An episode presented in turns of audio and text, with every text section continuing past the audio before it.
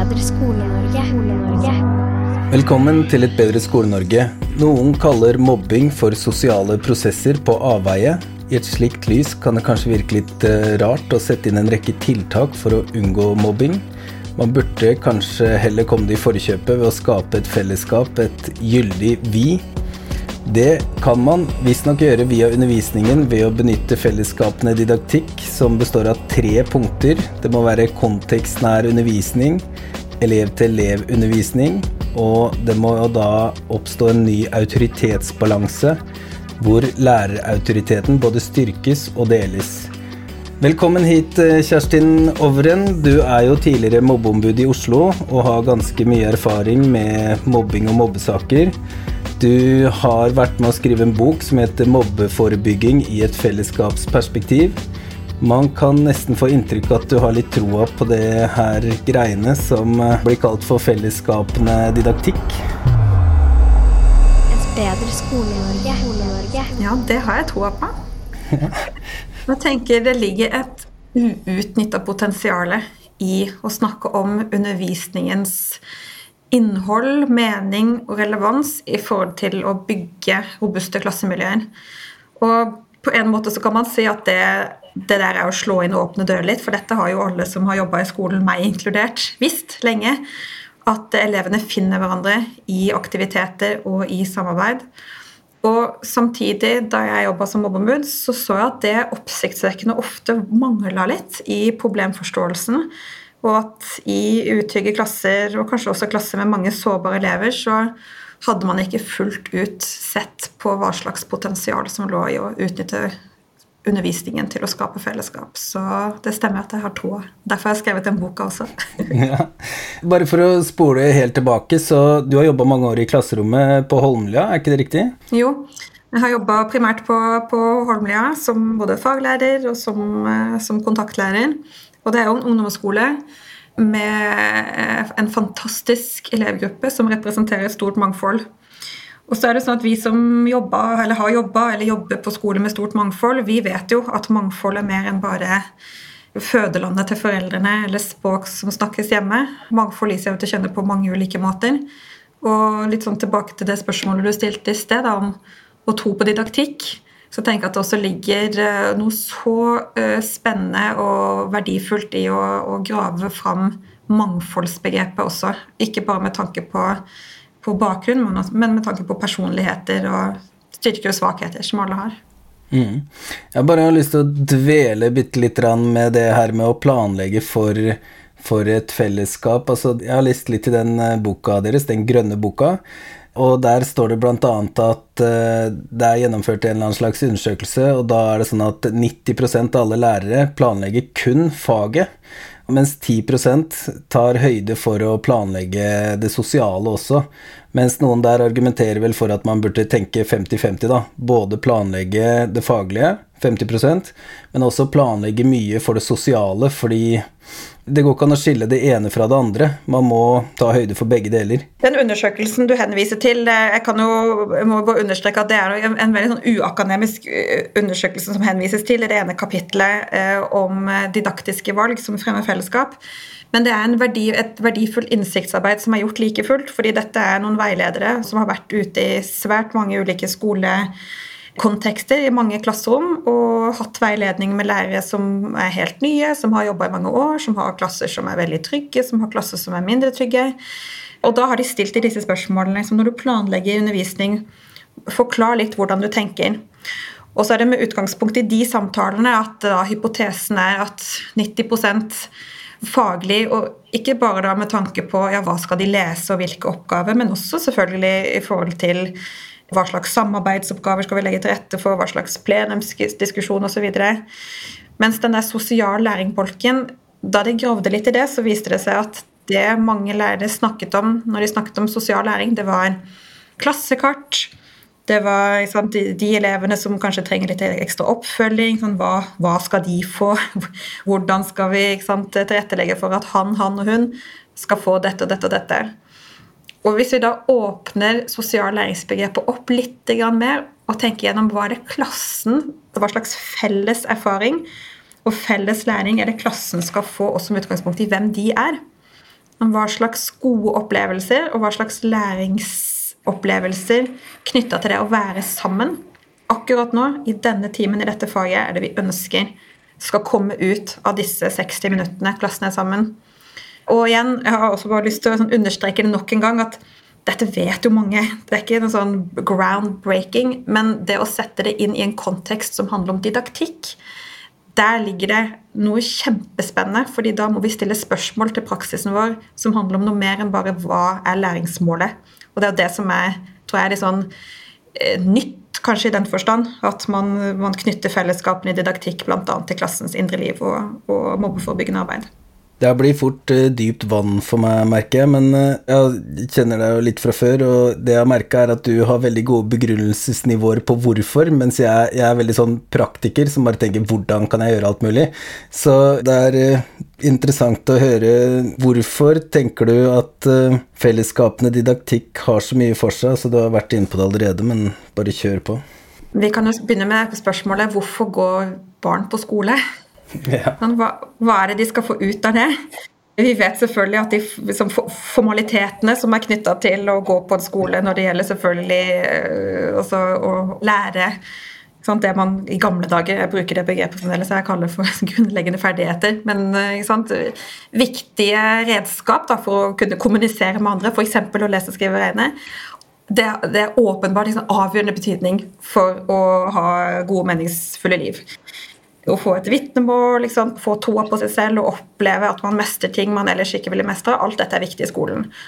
Så er det noe annet som er viktig i skolen, og det er å forberede barn og unge på livet etter skolen. Og med livet etter skolen så kan vi se for oss at det ligger langs to akser. Det ene er livet etter skolen når de er ferdig på skolen og skal ut i samfunnet og bidra som samfunnsborgere i et velfungerende demokrati. Og så er det også livet etter skolen sånn på ettermiddagstid og fritid i forhold til hvem er barn og unge også da. For de er også deltakere i et lokalsamfunn, selv om de er barn. Og hvis vi ikke forbereder barn på livet etter skolen når de er på skolen, så er det jammen ikke rart at vi ser at mange unge sliter med å finne seg til rette i samfunnet, og også sliter med å finne mening rundt sin egen både kanskje eksistens, men også sine indre verdier og ressurser etter endt utdanningsløp. Og det vi vet har betydning for menneskets hva skal jeg si, eksistensielle behov, det er jo å være sammen med andre.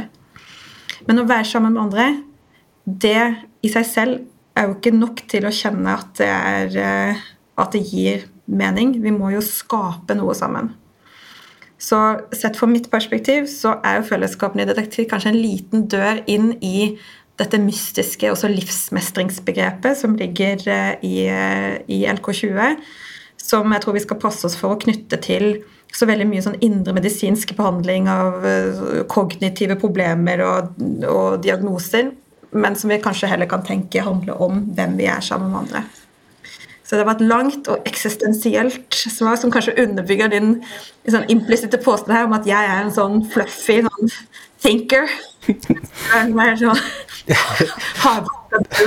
Men sånn sett så er kanskje dette en fin, eh, en fin balansegang, da, Øyvind. Ja, ja, men jeg likte det kjempegodt.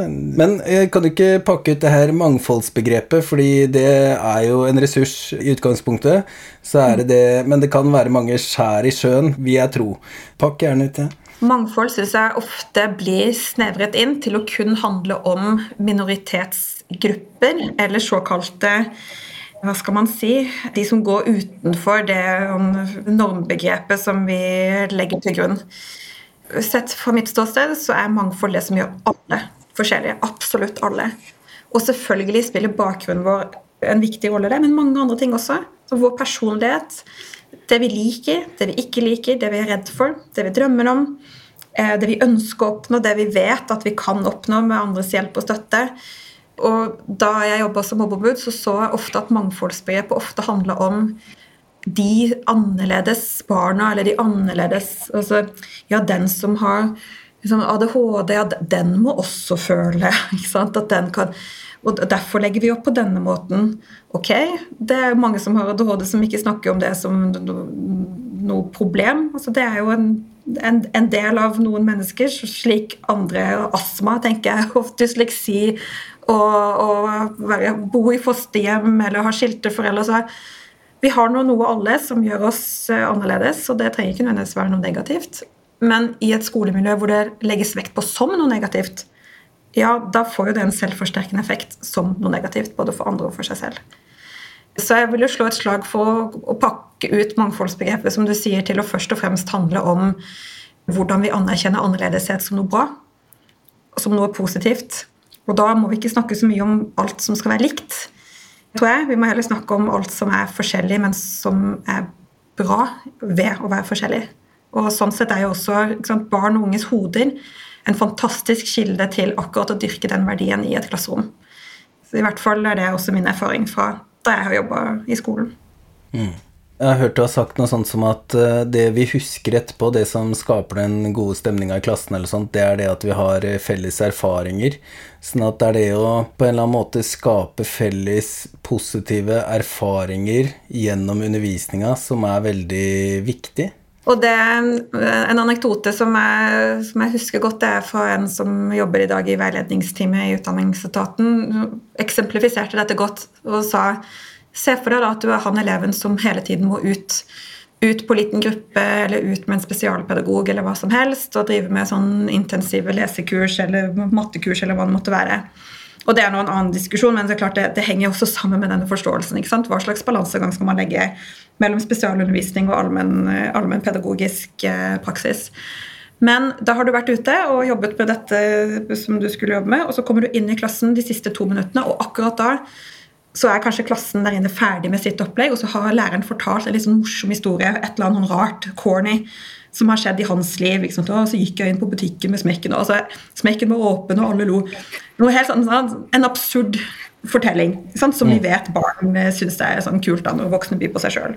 Mm. Og du som elev kom inn i døra akkurat i det læreren har fortalt det, og det er sånn gapskrott i klasserommet. Mm. Det er umulig å fortelle den vitsen på samme måte en gang til og få den samme sånn kollektive sånn, opplevelsen i, i gruppa. Mm. Og selv om det kanskje er snakk om tre sekunder med gapskratt, så er det en fellesskapende opplevelse som gjør det ekstra gøy og trygt å være sammen akkurat da. Fordi mm. det å le sammen vet vi, ikke sant? det har en umiddelbar effekt på stressnivået. Jo flere sånne opplevelser du går glipp av, jo mer kjenner du jo på et visst utenforskap i forhold til de som du egentlig er sammen med. Og det er ikke fordi du har noen sånn røntgenbriller hvor du vet akkurat hva som foregår, men det er en sånn følelse av at de har noe. Sant? Det er noe eget. Det er noe som jeg ikke har. Og den følelsen den kan vi bare flytte ut av akkurat den konteksten, og så kan vi flytte den over i en mobbesituasjon. Hvor vi vet at de jentene der de har noe greier. De er på fest sammen, eller de går på ridning, eller det er en håndballtur. Jeg er ikke med på det. Og det er ikke de at de nødvendigvis snur seg mot meg og sier sånn aktivt øh, Æsj, du får ikke være med, du forstår ikke. Men de har et språk, de har noen felles referanser, og de har noen sånne øyeblikk som du observerer på avstand og ikke får ta del av.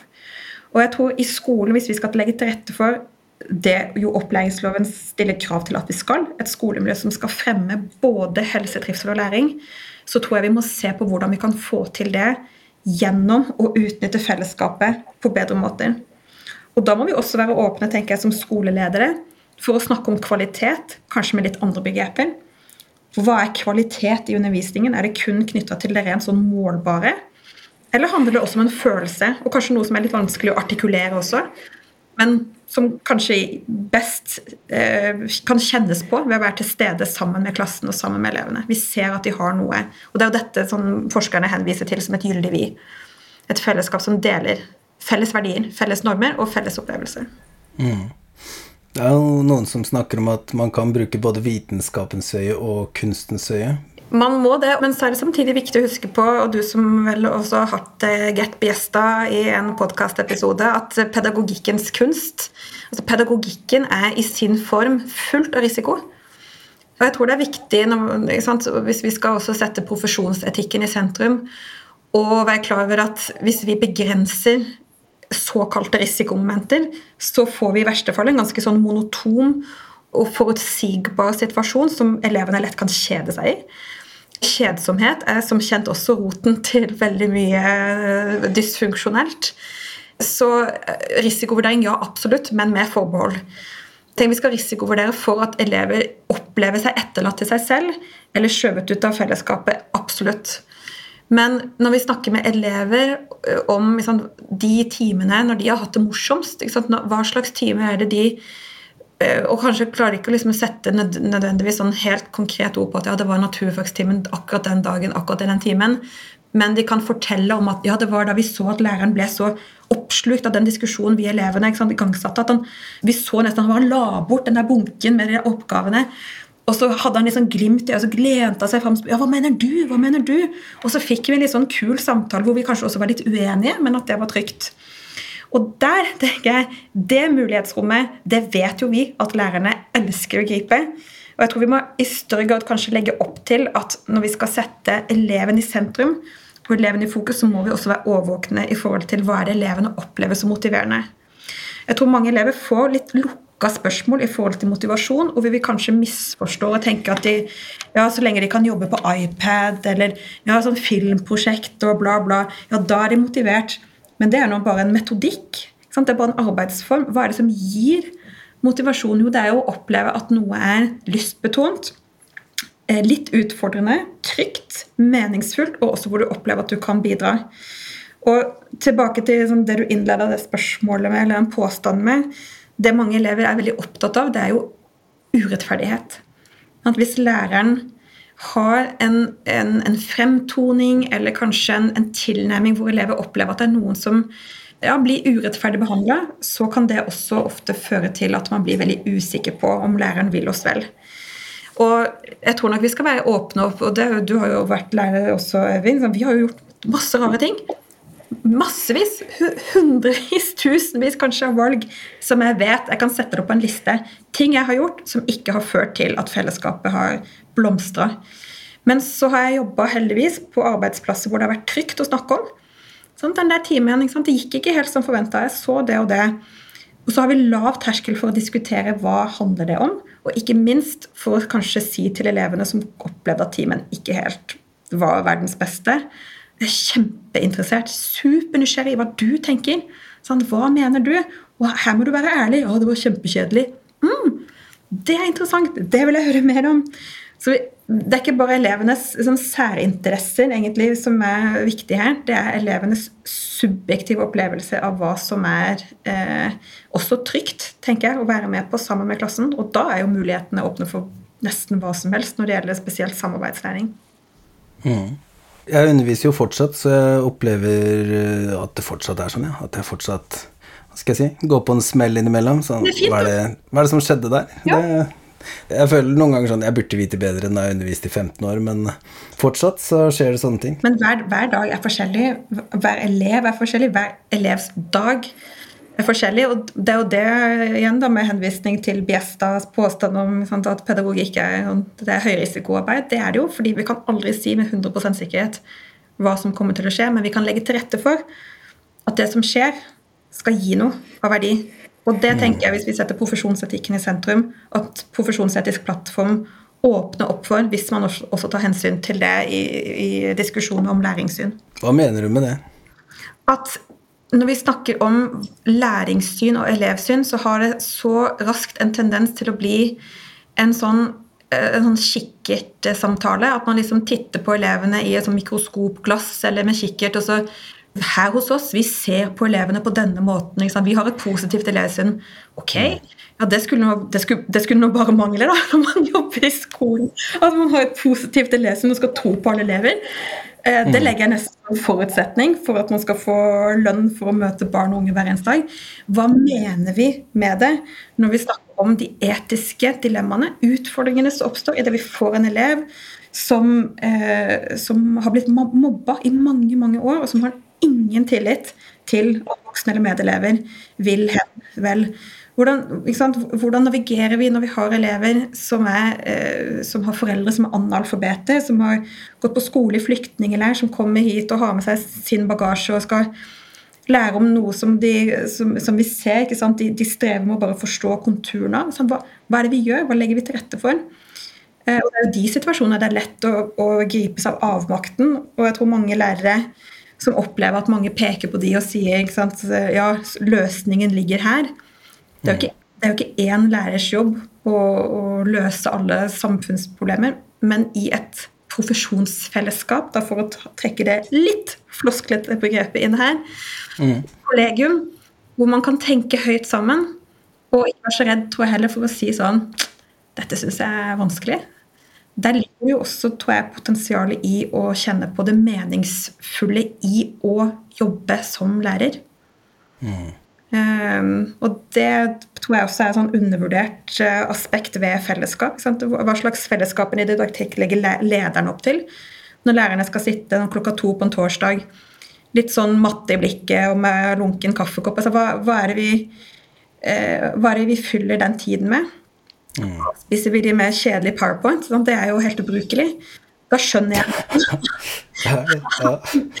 at lærerne kjenner sant, lite motivasjon og lære, egen lærelyst. Det er jo mm. det samme som elever. Så det, det, er noen sånne paralleller Halvparten sitter på Mac-en eller telefonen og Jeg vet hva du snakker om. Ja, men selvfølgelig. Det gjør ikke du òg det? På sånn kjedelige skoleledermøter? Hvis det, ikke... det er sånn. Hvis eh, det er en automatisk eh, på en måte sånn krysningspunkt hvis det er for kjedelig, så jeg også gjør det da. Og, hvorfor, og da er det sånn Hvorfor uh, For vi vil jo ha klasserom hvor elevene sånn, kan tørre å si enten høyt foran alle, eller hvis det er litt utrygt, da, så kanskje helst sånn til oss i etterkant sånn åh, det var i dag, eh, Kjerstin, liksom, du snakket, det har jeg hatt elever, du snakker for mye. Mm. Sånn, du, du, er for lang. Sånn, vi henger ikke med. Ok, mm. Det, det ville du aldri visst hvis ikke de sa det. For i mitt hode så sier jeg bare sånn kjemperelevante, kule ting som jeg er sikker på at alle forstår. Ja, ja. Man trenger jo andre til å speile seg, og det trenger kanskje noen skoleledere også av og til i forhold til å skape det samme mulighetsrommet blant lærerne. Mm. Kjerstin, jeg er jo en skoleleder på en liten skole, og der er det 90 elever akkurat nå. Vi skal utvide, det er ikke forsøk på reklame, liksom, men vi, vi driver på å jobbe på. Men vi er en liten skole, så innimellom har vi jo ni A-saker, som alle andre skoler. Og da høres det jo ut som at i stedet for å sette i gang så mange tiltak mot mobbing og jobbe på en sånn måte, så kan det hende at vi burde mm, fokusere mer på fellesskapen didaktikk, og at at det her kan være en bra vinkling inn i forhold til 9A. Høres det sånn ut, eller? Ja, jeg tenker eh, når vi snakker om kapittel 9A, og igjen for, for å minne om en av de innledende paragrafene i kapittel 9A, eh, paragraf 9A2, et skolemiljø som skal fremme helse, trivsel og læring, så er det viktig å se de begrepene i sammenheng, og se hvilke faktorer på skolen er det vi kan utnytte for å øke den, altså for å fremme nettopp disse opplevelsene. Eh, og istedenfor å skille de ut og tenke liksom, det er helse ja, det sporet, der er det helsesykepleier og sosiallærer, trivsel det er han kule miljøarbeideren med snus og capsen på snei, og læring ja, heldigvis har vi noen dyktige faglærere, så er det jo noe med å ha en forståelse av at alt dette henger sammen. Vi kan snu og vende på disse begrepene og eksperimentere med hva kommer først. Noen vil si ja, helse kommer først. Ut fra helse så har vi god trivsel, og da er vi hermetegn da, i posisjon til læring. Da er vi åpne for å lære. Og så kan man også si ja, trives man, så har man god helse. Da kan man også lære. Men fellesskapene i didaktikk setter jo læring først. Gjennom læring så fremmer vi helsetrivsel. Og det er et perspektiv som jeg syns er kjempespennende. Fordi læring handler jo ikke bare om kapittel 14 i naturfagsboken og et eller annet mål som, som blitt bestemt og nedfelt i et eller annet dokument. Det er jo gjennom sosial, faglig, kognitiv og emosjonell læring vi blir hele mennesker. Og når skolen legger til rette for at vi skal lære på mange ulike måter, og vi skal også lære ved å gjøre feil, og vi skal lære også sosialt gjennom å gjøre feil, så vil jo veldig mange, også voksne, i et miljø hvor det fremmes som en felles verdi, oppleve at det er trygt å være. Når det er trygt å være et sted, så har man det bra fordi stressnivået er lavt. Og lavt stressnivå føler også til at man har det bedre. Skal vi knytte det til spesifikt til kapittel 9a, så tenker jeg vi kan trekke denne aktivitetsplikten nedfelt i 9a4 inn i dette. Fordi når vi følger med på elevene Det er klart det vi følger med på, er jo dynamikken mellom barn og unge, og vi ser at det kan forme seg inn-grupper og ut-grupper. Det kan eh, plutselig oppstå en, en, språklig sjargong eller en, en, veldig sånn snever fellesreferanse som er veldig sånn, spissa mot én eller to. Men vi kan også følge med på dynamikken når elevene er sammen i undervisning. Så gjennom fellesskapen i didaktikk så bruker vi også det litt sånn for et verktøy i forhold til å sjekke ut om elevene reelt og helt på ekte har det godt sammen. Eller om det er mer en sånn slags sånn stilltiende aksept at i denne klassen så er det sånn at sant, det er den gjengen der og den gjengen der. Og det vet jo også de som har jobba i skolen, at, en, å f.eks. jobbe på gruppe eller jobbe med en samarbeidspartner at Der det er utrygt, der synes det ekstremt fort. For vi ser at det låser seg, vi ser at det kanskje blir veldig høyt støynivå, eller at det blir helt, helt, helt stille. Og vi ser også at det er en del flakkende blikk og usikkert kroppsspråk. Lukka kroppsspråk, sånn armene i kors, hetta, lua, liksom sitte på mobilen eller sitte og gjøre andre ting. Og når vi ser at dette er kaller det et symptom, så forteller det oss noe veldig viktig om hva klassen må øve på. Her hos oss for eksempel, så må vi øve på å være helt sikre på at når vi samarbeider, så skal det være trygt for den andre. Og klasse som ikke er vant til å snakke om sosial læring og sosial, sosial kompetanse eller sosiale ferdigheter, som jeg også mener er sånn, litt sånn show-off-begreper, som egentlig bare handler om å leve og være sammen. Der må man kanskje helt ned på et detaljnivå hente elevenes egne tips. Så, hva handler det om her i A-klassen når vi skal si at vi samarbeider på trygge måter? Hva er våre fem beste tips? Um, og Hvis jeg skal drive litt sånn egenreklame for den grønne boka du henviste til, 'Mobbeforebygging i et fellesskapsperspektiv', så er jo dette det som inngår i kapittel seks. Didaktiske valg som fremmer fellesskap i gruppen. Uh, og Charlotte Duesund, Tone Vestvik og, og Inge Bergkaste som har noen kjempefine, helt konkrete eksempler på hva lærere gjør for å øke også elevenes opplevelse av læring som fremmer helse og trivsel. Så jeg tenker det ligger stort potensial i å knytte fellesskapene i didaktikk til etterlevelsen av kapittel 9. Åpenbart. Det er så bra. For å oppsummere kort så vil jeg si at fellesskapene didaktikk ikke handler så mye om selve det faglige opplegget og om oppgaven, men om hvorfor vi gjør det. Og da er jo fellesskapet et kjempeviktig komponent. Alle trenger å oppleve tilhørighet til gruppa og klassen. Og et fellesskap, det gir mening, det skaper motivasjon, det gir den enkelte troa på seg selv, det skaper trivsel, det er helsebringende, og ikke minst så skaper det læring.